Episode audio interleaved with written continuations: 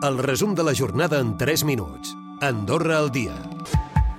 Satisfacció al sector hoteler pels nivells d'ocupació durant el pont de la Puríssima. Les parròquies centrals són les que han rebut més clients per davant dels establiments propers a les pistes.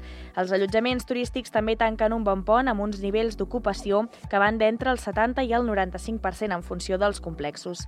Reconeixen, això sí, que han tingut algunes cancel·lacions per la incertesa sobre la neu. I pel que fa al trànsit, han entrat al país més de 115.000 vehicles, una xifra similar a la de l'any passat. La gran majoria ho han fet per la frontera hispano-andorrana. Diumenge les cues van començar a les 10 del matí i al migdia es va arribar als 6 quilòmetres de retenció des de l'avinguda d'Anclà de Santa Coloma fins a la duana. Dissabte van marxar uns 18.000 vehicles i diumenge han superat els 15.000, sobretot procedents d'Espanya. Per altra banda, l'obertura parcial de pistes a Naturland ha comptat amb pocs esquiadors, en bona part nois del club d'esquí. Això sí, satisfets de poder gaudir de l'esport de neu i la majoria, com ja és habitual, són gent del país o de Catalunya i altres indrets d'Espanya. Aquest cap de setmana només n'han pogut beneficiar els usuaris que han adquirit el forfet de temporada a la pista del Prat de Conangle. Escoltem el monitor Gaspar Pellicer. Nosaltres vam vindre el divendres a preparar el material i també bueno, vam provar una mica però realment hem començat ara a esquiar perquè no hi ha neu fins ara. I canviar de nom i de gènere és un procediment molt feixuc que a més s'ha de demostrar. Diversant creu que això revictimitza les persones trans que han fet el tràmit. També lamenta que la lentitud per enllestir els protocols de trànsit de gènere allarga el patiment per disfòria dels que esperen.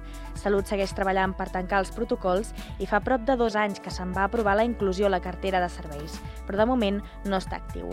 Ho explica la vicepresidenta Diversant Isabela Vargas.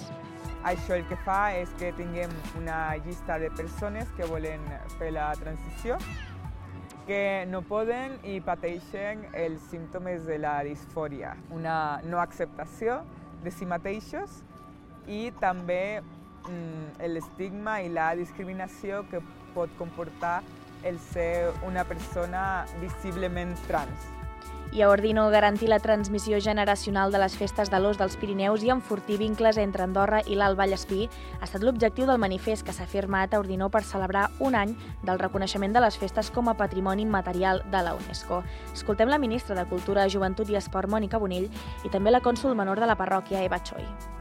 L'Associació de la Cultura Popular està realment molt conscienciada amb el, amb el fet de poder transmetre la, la festa i, per tant, doncs, cuiden molt la, la, la base, el, els, els infants, els petits, que són els, els, els que, de fet, després garantiran uh, la representació de l'OSA en, properes generacions. És molt important perquè ells veuen que allò que els hi han explicat als seus pares, que potser doncs, fa anys que es practicava o es feia com a festa popular, doncs que es continuï eh, mantenint i que els petits també ho vegin algo doncs, que ho puguin passar en els seus, en, en els que vinguin en un futur. Recupera el resum de la jornada cada dia a AndorraDifusió.d i a les plataformes de podcast.